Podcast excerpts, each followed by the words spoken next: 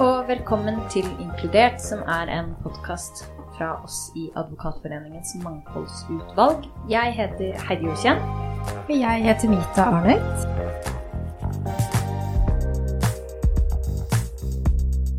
I dag så har vi med oss min gamle studiekompis Sebastian Garsteki. Sebastian, velkommen til oss. Takk.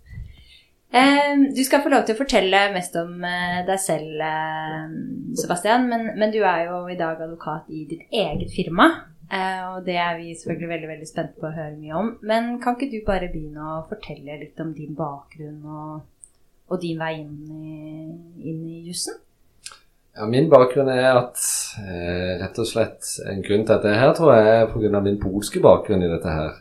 Så det er en av de få som begynte studiet som var utenlandske på den tiden der, og en av de få som var polske, og en av de få som startet eget firma rett etter studietiden.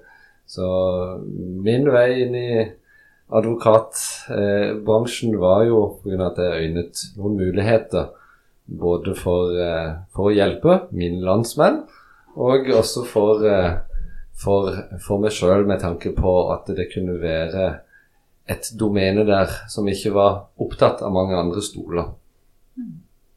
Så, ok, så du har jo hatt en ganske målrettet eh, vei inn, da. Men, men bare sånn så, så lytterne våre vet det. Du er altså da født i Polen, og så kom du til Norge da du var syv. Ja. Mm. Men hvorfor, hvorfor juss? Eh, Det begynte egentlig eh, på det blide Sørlandet fra Mandal det er ifra. Der, eh, på den tiden så var vi den en av de to polske familier i den lille byen Mandal. Og når eh, etter hvert så Mandal har noen sånn skipsbyggerindustri. Etter hvert så begynte det å komme polske borgere til, eh, til Mandal for å jobbe, og alle de hadde utfordringer med å få etablert et konto, hvordan det var også å få barnetrygd for barna de hadde, og alle sånne praktiske spørsmål. Og da, pga. at vi var de som hadde vært mye lenger, så var det de vi som naturlig ble kontaktet av de oppsøkt nærmest på døra for å kunne hjelpe. Og på den tiden der så, så var jeg i en modus der Hva skal jeg bli når jeg blir stor? Så tenkte jeg at eh, jeg liker jo dette her med, og, med papir og sette meg inn i ting og hvordan klare å få hjulpet disse menneskene å løse et problem. Så det var der det startet for meg at åh, kanskje Kanskje den papirmølla som jeg må lese meg gjennom for å hjelpe dem, kanskje det kan gjøre at eh, jeg lærer noe nytt, og kanskje så, så blir jeg kanskje advokat en dag. Så jeg var jo ganske målrettet allerede på videregående når det var rettslære å bli advokat. Og spurte, husker jeg spurte min, eh, min rettslærerlærer om om jeg hadde noen sjanse, for hun var, hun var advokat. Og så sa hun at ja, alle har en sjanse, du må bare være flink, og så kommer det inn på jusstudiet. Så det var det som var min, min eh, vei inn i, i akkurat den biten der. Under studiet, da, hvordan eh, eh, etter, eller, ja, etter studiet også, for så vidt. Hvordan, hva gjorde du da? Nei, jeg er, jeg er de litt rastløse, for å si det slik. Så jeg, jeg begynte på jusstudiet, hadde avtalerett og forbrukerkjøpsrett som er Ola Nisja i, i sin tid, som, som var veldig ung på den tiden der. Han eh, veldig, veldig flink foreleser. Han, han eh, inspirerte meg kanskje pga. den der avtalerettslige, forretningsmessige biten, så, så fant du ut at eh, her må jeg finne på noe, noe mer enn å bare lese fra A til Å i bøkene. Så jeg startet et firma som eh, drev og formidlet polske håndverkere i sin tid. Eh, og det, det, startet med at jeg øynet muligheten for å at det, det var jo 2005-2006, og eh, da, da, kom det jo masse polske håndverkere, og jeg så problemet at mange av de ikke kunne kommunisere godt nok på, på norsk, og nordmenn var skeptiske til polske håndverkere, for de gjorde ikke så veldig god jobb på den tiden der. Så når jeg, det var veldig mye fordom og rykte rundt polske håndverkere. Så når jeg hadde eh, på studiet, så, så, så, fant jeg ut at eh, jeg må gjøre noe med dette her. Og da, da etablerte jeg et firma som connecta de polske med de norske. Det vil si, skulle du pusse opp badet ditt, så ringte du til et formidlingsfirma av polske håndverkere, som da hadde registrerte håndverkere som betalte skatt, betalte moms, betalte alt som var, gjorde jobben eh, bra. Og da, da, ringte du til det firmaet som jeg etablerte. Eh, og da ofte så visste ikke de som ringte, var hvem jeg var og hvordan det var, for du må klare å lage markedsføring rundt dette her. Og da satt jeg ofte på lesesal og tok telefonen og løp ut. Tok imot oppdraget, sendte det videre til de jeg hadde på min liste med, og mine standarder som jeg hadde avtalt med dem, som jeg lærte i avtaleretten med Ola Nisha, eh, hva som var viktig. Eh, og da gjorde de det som de skulle i henhold til det avtalen, og gjorde jobben som de skulle. Og tilbake så etter at jeg sendte de det oppdraget, så gikk jeg tilbake til lesesalen og fortsatte å lese eh, på, på jussen. Men eh, etter hvert så ble det såpass mange telefoner at jeg løp ut som at det var et problem med magen eller et eller annet. Så det var løp inn og ut og inn og ut. inn Og ut. Eh, og så ble det ganske forstyrrende, så jeg fant etter hvert ut hvor på jusstudiet kunne sitte for å forstyrre minst mulig. Så nå lurer du sikkert på hvorfor ikke satt så mye på Nova der du satt, Heidi. Og det er en av de grunnene at jeg fant ut at det, Jeg husker ikke hva det heter det nå, men når du går inn ved Nordli der, Nordli-passasjen, så var det lesesal. Ja, Rosenkrantz. I Rosenkrantz. Der, der var det som oftest fjerde- og femteavdelingsstudenter som mm. satt. Og det er ikke alle som visste om de lesesalene. Og så fant du ut at uh, kommer man tidlig nok nede i kjelleren med datarommet der, så er det noen skjulte kollokvierom bak der som av og til noen eh, jusstudenter satt og leste på eller hadde kollokviegruppe, eller så sto de tomme. Og da satt jeg der, for da kunne jeg sitte alene og rolig og nesten ha et eget kontor på jusstudiet. Eh, men det, etter hvert så fant jeg ut at det er ikke helt, helt riktig å gjøre det på, så jeg leide til slutt kontor bort på Hambros plass.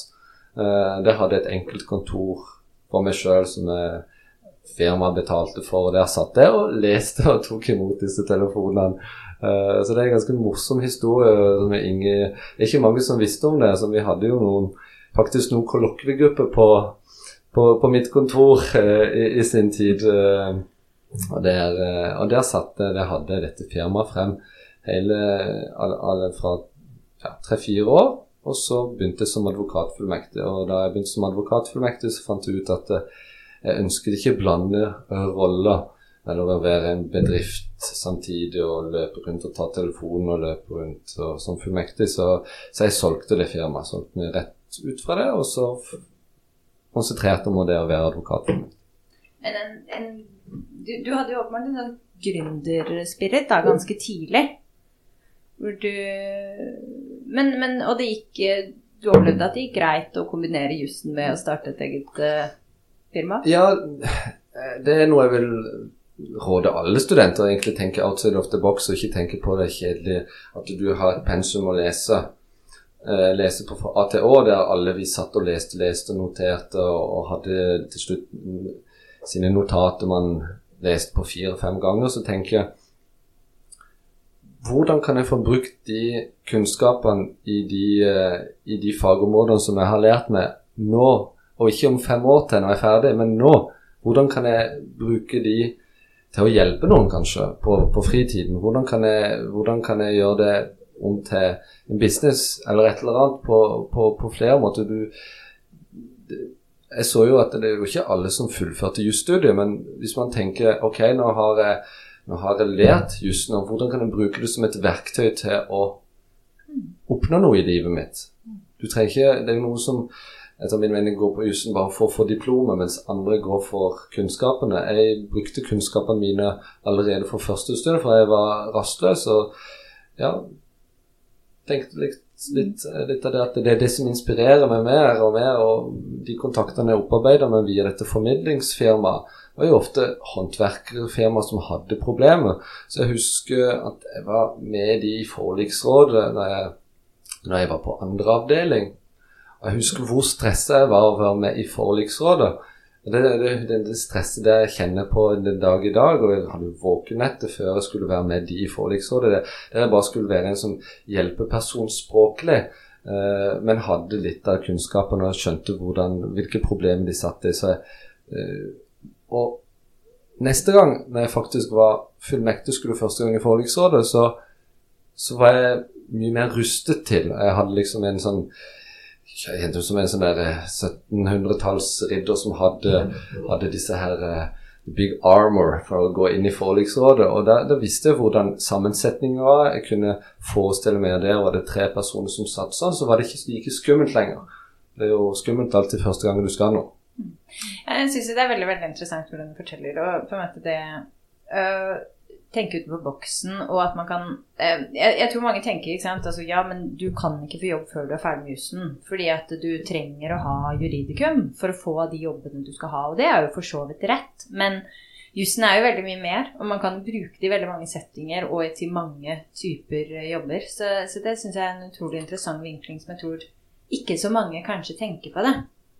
Ja, det er å snakke om å egentlig lage det forarbeidet du kan allerede på studiet. Og, og det er snakk om å lage f.eks. et nettverk. og Det er noen som begynner på som trainee, og, og, det er viktig å kaste seg ut i det fortest mulig, og ikke vente til at, eh, til at du er ferdig, og så du, begynner du å søke jobb, og så kan du Det er egentlig bare å kaste seg ut i det. Jeg husket der etter hvert når jeg hadde dette formidlingsfirmaet og hadde dette kontoret, fikk ideen for allerede for det var fjerde avdeling som lagde en rettshjelpsside eh, der jeg skrev ned grunnleggende rettigheter, hva man kunne, hvordan, hvordan, hvordan, hvordan eh, loven var på, på enkelte rettsområder, og oversatte det til polsk. Jeg var ikke så god i polsk i, i sin tid. Det, det lærte jeg, lærte jeg etter hvert. Så jeg brukte en polsk tall for å skrive det riktig, sånn at det ikke ble en nettside med masse, masse feil på.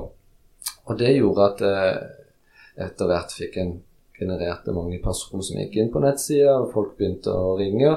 Og da gjorde det på samme måte det jeg hadde lært av dette formidlingsfirmaet. Da connecta jeg de personer som hadde juridiske problemer med et advokatfirma.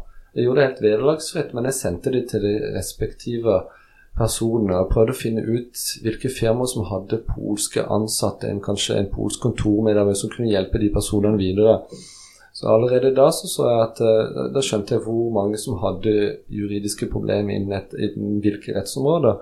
Og, og etter hvert da så tok jeg kontakt med det firmaet jeg ønsket å jobbe i, eh, og, og, og, viste de at eh, nå har jeg gjort det og det og det, jeg har laget en rettshjelpsside, jeg ser at det genererer mange problemstillinger, og det er mange klienter som trenger den og den hjelpen der. Jeg kunne godt tenke meg å jobbe hos dere når når jeg er ferdig med jusstudiet. Hvor var det? Det var hos Andersen og Bakkevik. Eh, det var det Celine Bakkevik som tok meg, opp, tok meg imot med, med, åpne armer. Og de hadde et fokus på, da, på språk som var, som var deres eh, måte å vise det mangfold på. De hadde mange forskjellige språkkunnskap eh, i, i, i, sin portefølje. Og jeg tenkte at det her er det et firma som jeg, jeg kunne tenke meg å, å være i. Som, som, som, prioriterer det at det, er, som, som, som, ser, som, er åpne for det med nye nasjonaliteter, og, og, og, ser det at det er et pluss og ikke et minus. Jeg tenker at Det er utrolig interessant å høre hvordan du har egentlig skapt mulighetene for deg selv eh, underveis hele veien. Eh, og, og, og, som du sier under studiet, sant, hvor lite sant, mange eh, hiver seg på trainee-programmer, så ofte er en mulighet ofte mot slutten av studiet, studietiden, mens du har liksom skapt deg disse mulighetene underveis og bare generert og generert erfaringer som bare ja, har gitt deg enda flere muligheter, rett og slett. Hvordan, hva, hva skjedde videre ja, når du ble advokatfullmektig? Det er veldig spennende. Ja, det, det, det, er mange, mange milepæler. Ja, nei, jeg syns det var kjempespennende. Så jeg hadde en kjempegod sjef eh, i Andersen og Bakkevig, og, og, der fikk jeg veldig mye frie tøyler til å fortsette å, ha den gründerspiren som jeg hadde. Og da, da, var det sånn at jeg var den innfartsåra til klienter eh, i, i, i, sin tid, der, der rettshjelpssiden genererte mange polske klienter innenfor flere forskjellige rettsområder. Og det var vi som da på en måte var med den respektive advokaten som jobba med de respektive rettsområder, og, og, være med på møte fra første møte med klient til hvordan videre. og da For å være med som tolk eh, via den advokaten der. Av og til så fikk jeg noe gjøremål som, eh, som advokatfullmektig i de sakene der. Men jeg fant ut at eh, jeg liker veldig godt arbeidsrett, og jeg følte meg veldig Der kan jeg utrette noe, for der hadde ikke eh, firmaet noen advokater som jobbet med det. Så jeg fant ut at det er noe jeg ville satse på, for da var det veldig mye sosial dumping og underbetalte polske arbeidere som var på agendaen. Eh, og, og, og det var da jeg begynte med å sette meg inn i arbeidsrettslige problemstillinger som jeg likte veldig, veldig godt, og fant ut at uh, jeg har ikke lyst til å være en typisk generalist og jobbe med alle mulige rettsområder. og Jeg har alltid sagt at må, man må bestemme seg til slutt hva du skal være god på, for du kan ikke være god på alt.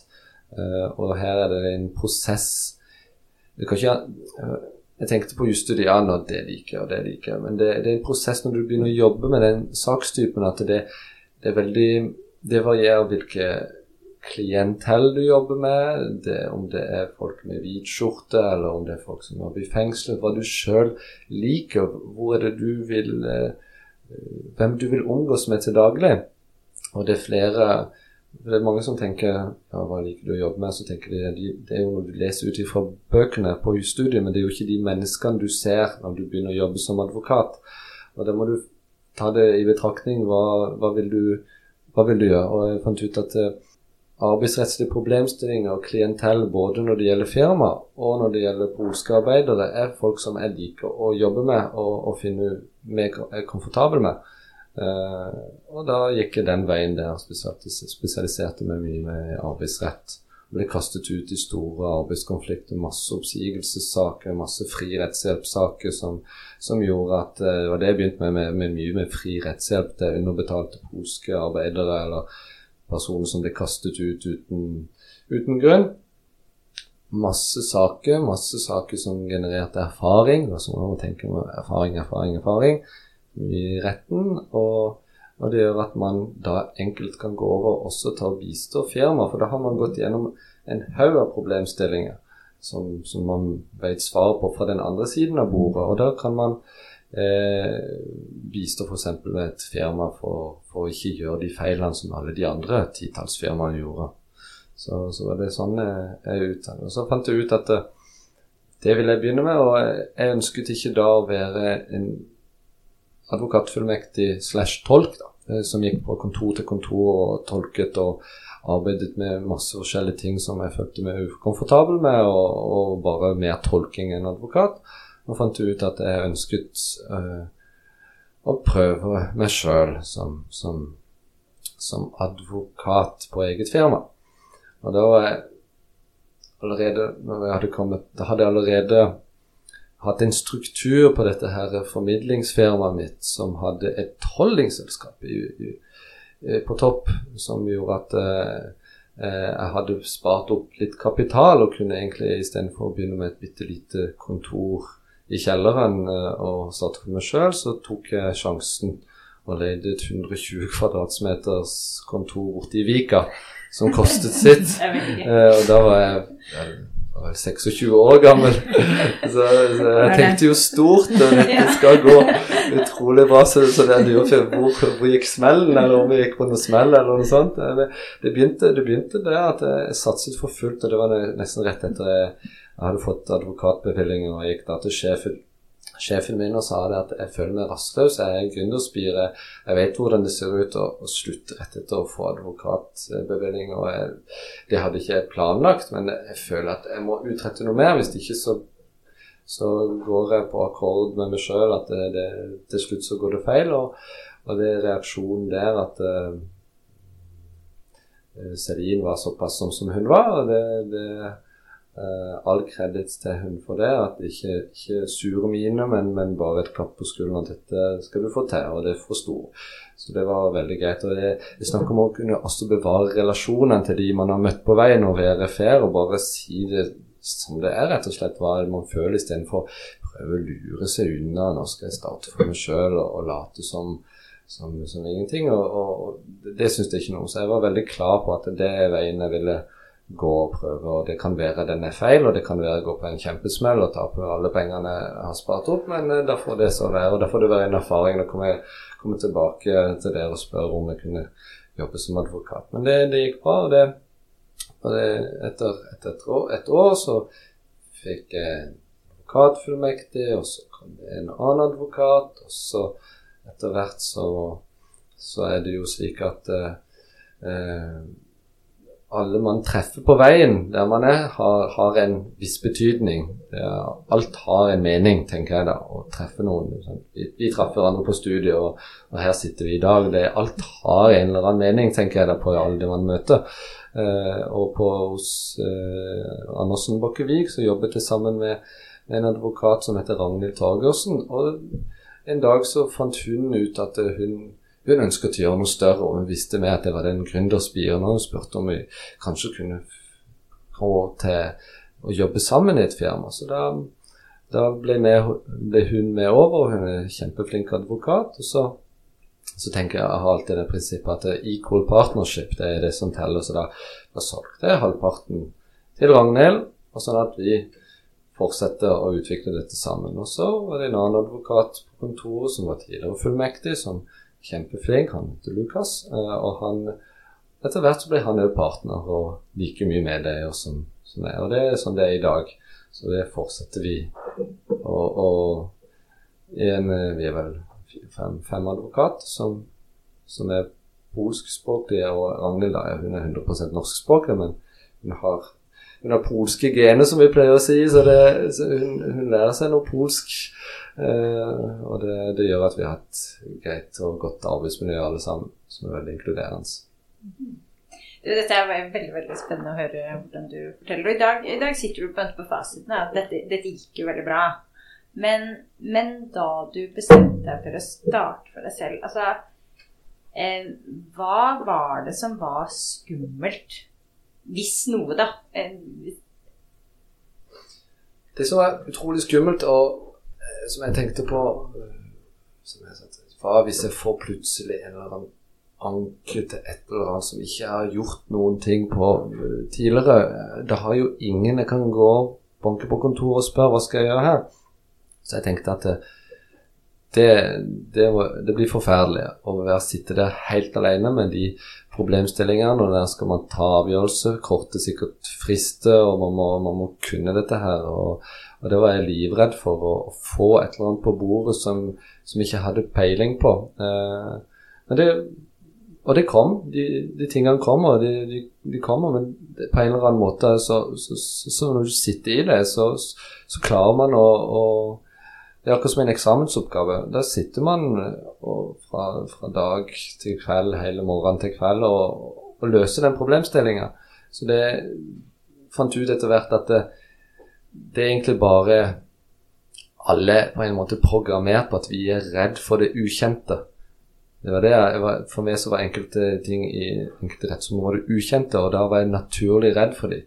Uh, og, og, det må man tenke på at alle, alle er redd for det ukjente, og det men man, men man klarer det, rett og slett. Det er bare egentlig å ha motet til å bare kaste seg inn i det, og som regel så går det greit. Så lenge jeg husker en, en forretningsmann når det gjaldt sånn å drive firma sånn, Det eneste du kan ha kontrollen på, det er utgiftene. Du kan aldri ha kontroll på hvor mye du inntjening og om kommer det klienter eller ikke, men husk å holde utgiftene i sjakk. Så ikke start på med, med alt det beste og mest fancy opplegget og gud veit hva, og kjør på hvis du ikke har kapitalen til det. Men husk å holde utgiftene i sjokk. men ha stort kontor i Vika. Ja, ok. Det, det ser du mindsettet. Jeg visste at det etter hvert som jeg fyller opp de kontorene, så det var på en måte det å ha en fast leie som du visste var, var så så mye, som gjorde at du, du måtte utvikle. Nå var det ingen vei tilbake. Ja, men det er vel litt den balansen mellom måte ha kontroll, men også tørre faktisk å satse. Ja. Ikke sant? For du, hvis, det er på en måte lett å si at du satser hvis ikke du ofrer noe eller putter noe på en måte risiko inn i det. Um, da tror jeg også kanskje at det er lettere at man um, Det blir helt sikkert feil å si lat, men altså at man, man, man må jo på en måte det, Man får kanskje et ekstra gir, da, når man har det kontoret. Absolutt, man får et ekstra gir, og det jeg har merket at det er mange som har mange flotte ideer og, og, og rett og slett uh, forretningsmessige ideer og gründerideer.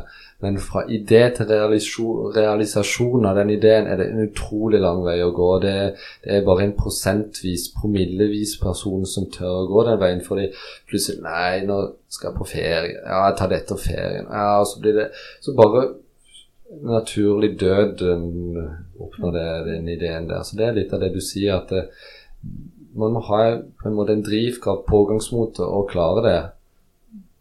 Og det er ytterst få som gjør. Mm. Det høres ut som du, du har satt deg høye mål, uh, og som du har siktet deg inn på. Og så har du, så har du på en måte tatt tak i den frykten du har hatt, da, og bare liksom bare jobbet med den og bare Greit, det, her, det her gjør jeg. Og så bare starter jeg et eget kontor og har ingen andre dører å banke på, ingen andre å spørre. og Nei, og, og, og, det er jo ja, virkelig imponerende. Så kommer ikke noe fra noe eh, advokatfamilie Nei. der jeg kan spørre eller ringe onkel eller min far eller noe sånt. Min mor i Mandal hun var omsorgsarbeider og, og hadde liksom ikke noe alenemor i tillegg, så var det liksom ikke noe sånn erfaring der jeg kunne bare hadde nettverket til å gjøre det. Jeg måtte klare det sjøl, og det, det, er på en måte det jeg har Ordentlig survivor. Ja, og det, det gjør at uh, du har ingen vei og, og ingen utvei. Det er ikke noe nødutgang som du bare plutselig kan trekke i tråden og så stikke av, og så går alt fra alt. Bra. Ja. Men er det vært noe Tenker du at det har vært noen positive overraskelser? Er det ja, positive eller overraskelser. Kan si overraskelse at det tar mye lengre tid å bygge et advokatfirma enn man tror. Eh, jeg hadde et perspektiv på at dette skulle være kjempeenkelt, og mine ideer det skulle gå kjempefort. Men det er utrolig mye hardt jobb. Eh, Hard jobbing fra morgen til kveld og for å dekke alle utgifter og alt mulig sånn. Og, og, og det etter hvert når man får ansatte, og det får personer bruke tid på å motivere og, og rett og slett å ha et godt arbeidsmiljø, og det er ting som jeg tenkte det var ganske skjematisk forretningsutvikling. Det var, det var, de tingene der jeg ikke tok med i betraktning, at de bruker utrolig mye tid. Å ha en advokatfullmektig og en person som du må utvikle, og som, som du har en relasjon til. Jeg satte ikke i mine beregninger i betraktning at det personlige i hver enkelt for å lage et godt team tar såpass mye tid og krefter. Så, så det, det, tar mange flere år enn man, enn man regner med. Mm. Og her er, du, her er, du, inne på noe også veldig viktig. ikke sant? Når du har et eget firma, eller er eier i et firma, så er det jo veldig mye annet enn den rene advokatjobben. Det, og det gjelder jo også f.eks. hvis man er leder i en seksjon inhouse f.eks. og sånne ting. Nettopp dette med ja, medarbeideroppfølging, kulturbygging og selvfølgelig alt mulig administrativt og sånn. Men det virker som du har trivdes med det ansvaret også? Ja, absolutt. Det, det, er en del av det å utvikle seg. Og menneskelig utvikling og skape relasjoner. og det, det, er jo en del av det, rett og slett. Så jeg ser alt på alle utfordringer som en måte må bare kaste seg i det for for å lære det. Jeg var en person som var ikke sånn super Jeg Var ikke den som eh, sto frem med stor folkemengde og bare heiet. Og jeg hadde mine egne barrierer. Jeg var f.eks. redd for å stå, stå foran en større folkemengde eh, stå opp i, i, klassen på videregående og, og, og, snakke foran hele klassen. Da ble jeg helt blodrød og var utrolig redd, og jeg fikk hjertebank. Jeg hjertebank bare å tenke på det. Men jeg tenkte at det er en av de tingene for eksempel, som jeg må finne en eller annen måte å løse på. For hvis jeg skal stå i retten og prate, så, så kan, jeg ikke, kan, jo ikke, være utrolig stresset. Så jeg, jeg tok på meg f.eks det å være konferansier på en prisutdeling. Jeg tok på meg det å, å uh, ha et foredrag for noen eh, eksterne for å nettopp bare ødelegge de barrierene. Og det, det, er sånne ting man må tenke på og bare kaste seg ut i det for what uh, Don't kill you makes you even stronger. Det er jo hele det prinsippet det går på. Så har du ting som du sliter med, ikke vær Det er nok ikke unngå det, men kaste i det. For at da istedenfor da, da øker du på en måte den der eh, kontrollsfæren av din egen personlighet, at den utvikler seg. Og det er utrolig, utrolig viktig eh, å ha med Kjenn det sjøl, rett og slett. Eh, kjenn dine egne barrierer og kast det i det som er mest skummelt. For det går bra som regel. Ja, det der tror jeg de aller, aller fleste, uansett om man er student eller eh, eier sitt eget firma eller hva man gjør, eh, kan kjenne seg veldig igjen i. Og du var jo litt inne på det før eh, i dag også med dette med ja, ikke sant? Har man vært i forliksrådet en gang, så har man jo vært der, ikke sant. Så det er noe med det der å ja, steg for steg få den erfaringen, ha gjort det før, merke at det går bra. Nei, det er veldig det er jo veldig imponerende å høre på, på reisen din, Sebastian. Og du, du, virker jo enormt målrettet, som jeg har vært inne på før i dag. Men har det, har det, vært, har det vært tidspunkt du har tvilt? På om du har valgt rett? Ja, hvis jeg hadde valgt Hvis, hvis man tenker på at uh, Mange tenker på at uh, det å være advokat er fin tittel og masse autoritet. og alle advokater tjener masse penger, tenker man sikkert. Men det, sannheten er at man må virkelig jobbe hardt. Eh, og skal du være advokat, så er du garantert KH før du er 40. Eh, det, det, det, kan du ta med i betraktning. Eh, så det er liksom ikke noe dans på roser i det hele tatt. Så man må Om jeg har tvilt? Selvfølgelig, det har jeg tvilt. Fordi at jeg har tenkt på kanskje skulle bli lege. Du ser på alle de legene, de har inn pasienter og hooker, skriver en sykemelding. Next, next. Og så går de når klokken er fire. Så, mens advokater hvor du står av og til for å rekke et rettsmøte et annet sted, og så klokken fire.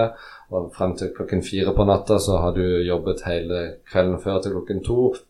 Og så må du i reise, og så er du hele dagen i retten, og så skal du på en dagen etterpå. Så glemmer du at nå plutselig er det fredag ettermiddag. Eh, for da hadde uka gått. Så det, det er mye tyngre enn det man tror. Det er det virkelig. Og ting tar litt lengre tid hvis du skal bygge seg opp eh, et større firma. Og det mange gir sikkert opp på veien. Jeg må jo si at jeg, jeg, jeg bare syns det er veldig fascinerende og veldig fint å høre på personer som har bare møtt på en frykt, og så har man liksom det. Men eh, jeg, eh, nei, men jeg, jeg bare tar den utfordringen. Jeg, jeg, bare tar på meg disse store skoene, ja, og, så, og så prøver jeg likevel. Så det er kjempegøy å høre på. Um, du, har, du, var litt inne på det, men uh, tenker du at det her er uh, noe andre bør gjøre? Altså det her er uh, er det et Det å starte for seg selv, er det noe veldig spesielt? Interesserte? Det er et veldig vanskelig spørsmål, for det kommer veldig an på personligheten eh, til, til, hver enkelt av oss, egentlig. Fordi at eh, vi er alle forskjellige, og, det, og jeg tror ikke alle skal starte sitt eget firma. Det, det, tror jeg ikke. Jeg tror noen finner seg mer igjen i og mer komfortable å være, være en advokat i et større større organisasjon, og, og, det nettverket de allerede da som er allerede etablert, og de går inn i, og de føler seg at dette er supert. Og så har du også personer som, som ønsker å, å, ha bare en veldig lav scale advokatvirksomhet og være sin kontroll sin egen tid. Eh, det er jo en, et gode i seg sjøl, så det, det, er jo Det kommer veldig an på personligheten. Jeg hadde en veldig rastløs personlighet som ikke kunne stå stille og, og, kunne være for mye i en, i en, plass uten å kunne kjenne på utvikling. Og det var det min, den beste medisinen for min egen del. Så jeg fant ut eh, at det, det er det som samsvarer best med min egen personlighet. Så det er egentlig nok en gang kjenn det sjøl. Kjenn hva, hva, hva, er det du føler er som er, passer best til det. Men ikke tenk på alt det som det ukjente at nei, det vil jeg ikke inn i, for da må jeg stå foran en folkemengde, og da vil jeg heller jobbe i departementet. For det, det er sånne ting De barrierene der, det klarer du å overkomme. Du har jo fortalt ikke sant, om hvordan du har brukt din bakgrunn og det polske språket som en veldig konkurransefortrinn, egentlig. Som en slags forretningsmodell også, hele, hele veien. Men eh, opplever du og det, du trenger ikke svare på dette hvis ikke du vil, men, men, opplever du at det har vært en ulempe på en eller annen måte? Um, bør andre i din, i din, situasjon, som også kanskje har samme bakgrunn, være forberedt på noe? Ja Når jeg vokste opp, så var det jordbærplukkerstempelet som man hadde fra, fra ja, det, alle de polske Det var jordbærplukkere som kom til Norge. Det hadde man på barneskolen ungdomsskole og litt ute i videregående. Og det var sånn alle kjente polakker. Og det var liksom den følelsen jeg satt inne med. At det er status som en underdog. Eh, eh, men samtidig så må man tenke litt bredere. Greit, men da har du har et språk som plutselig blir veldig attraktivt, fordi alle disse jordbærplukkerne plutselig så skal de overta hele landet og komme inn i byggebransjen og alle andre bransjer, og det er per dags dato så det er polske overalt. I, ikke bare byggebransjen, men alt mulig. Og da, da har det et fordel å kunne kommunisere, for kommunikasjon er jo en utrolig bra fortrinn. Uh, og da ser man sin egen lille verktøykasse. Det er jo ikke fortrinn Det er noen som har utseende, de ser kjempebra ut. Andre har intellektuelle. Andre har kjempebra stemme, radiostemme f.eks. Uh, det fins alle mulige pluss og minuser som hver enkelt av oss bærer på i sin verktøykasse. Og jeg fant ut at en av de tingene som skiller meg ut, er kanskje språket mitt.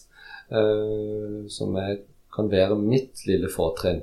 Eh, så hvordan kan jeg utnytte det på en best mulig måte? Eh, og, det var litt, litt den tankegangen jeg hele tida har tenkt på. Hvordan kan det som egentlig i prinsippet du har blitt litt mobbet på på skolen pga. at du hadde det rare uttalen på det etternavnet ditt, og ingen av lærerne kunne uttale etternavnet ditt riktig, og alle lo, eh, om til noe som at alle de polske klarer å uttale ditt etternavn, og at du må nesten ha det polske etternavnet ditt i logoen, for da vet du med en gang at det er et polskspråklig advokatfirma. Da blir det plutselig går det. Så plutselig fra et vanskelig etternavn for, for, nordmenn, så har det vært et konkurransefortrinnsetternavn. etternavn innenfor den kundegruppen som du prøver å plassere deg inn mot.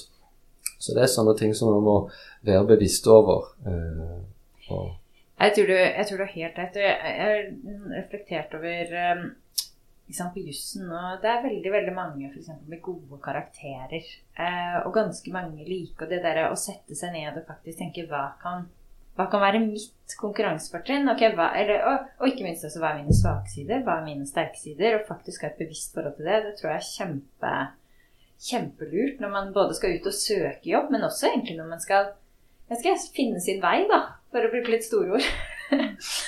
Så nei, men det er kjempe, kjempeinteressant, eh, Sebastian. Hva, hva, er ditt beste tips da, til de som har lyst til å bli advokat? Det er et vanskelig spørsmål, fordi For det første, finn ut hva en advokat gjør, og hva du må ofre for å være advokat. Fordi at det, det er ikke en dans på roser. Man ofrer mye av familielivet, fordi du er mye av og til på reise. Kommer an på hvor du jobber, selvfølgelig, men det, det er av og til at du, du må jobbe på søndagen, at, eh, at, eh, du må jobbe på kveldene, og du må jobbe i forskjellige døgnets tider. Du har et utrolig press på deg fra flere fronter, fra klientens side, fra rettens side, fra andre advokaters side, fra motparten, alt mulig. Et press. Eh, så mitt råd til, til de som ønsker å bli advokat, er om Er du ikke sterk nok, så finn din lille verktøykasse for å bygge opp din egen personlighet, slik at du kan stå der eh, i stormen. For, sånn at ikke du er en person som plutselig kommer en liten vind, og møter litt motbør. En, en mer erfaren advokat som, som, plutselig begynner å bruke hersketeknikkene på det, og du er en advokatfullmektig, og at du bare plutselig knekker sammen.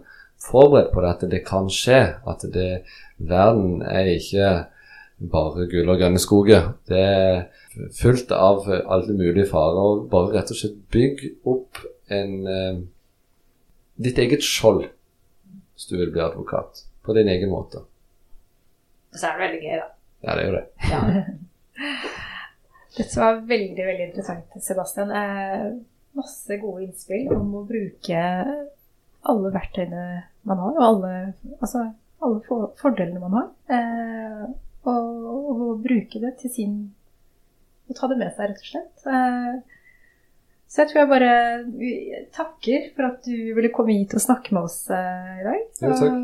Så sier vi takk for oss. Tusen, tusen takk for at du kom. Med. Takk.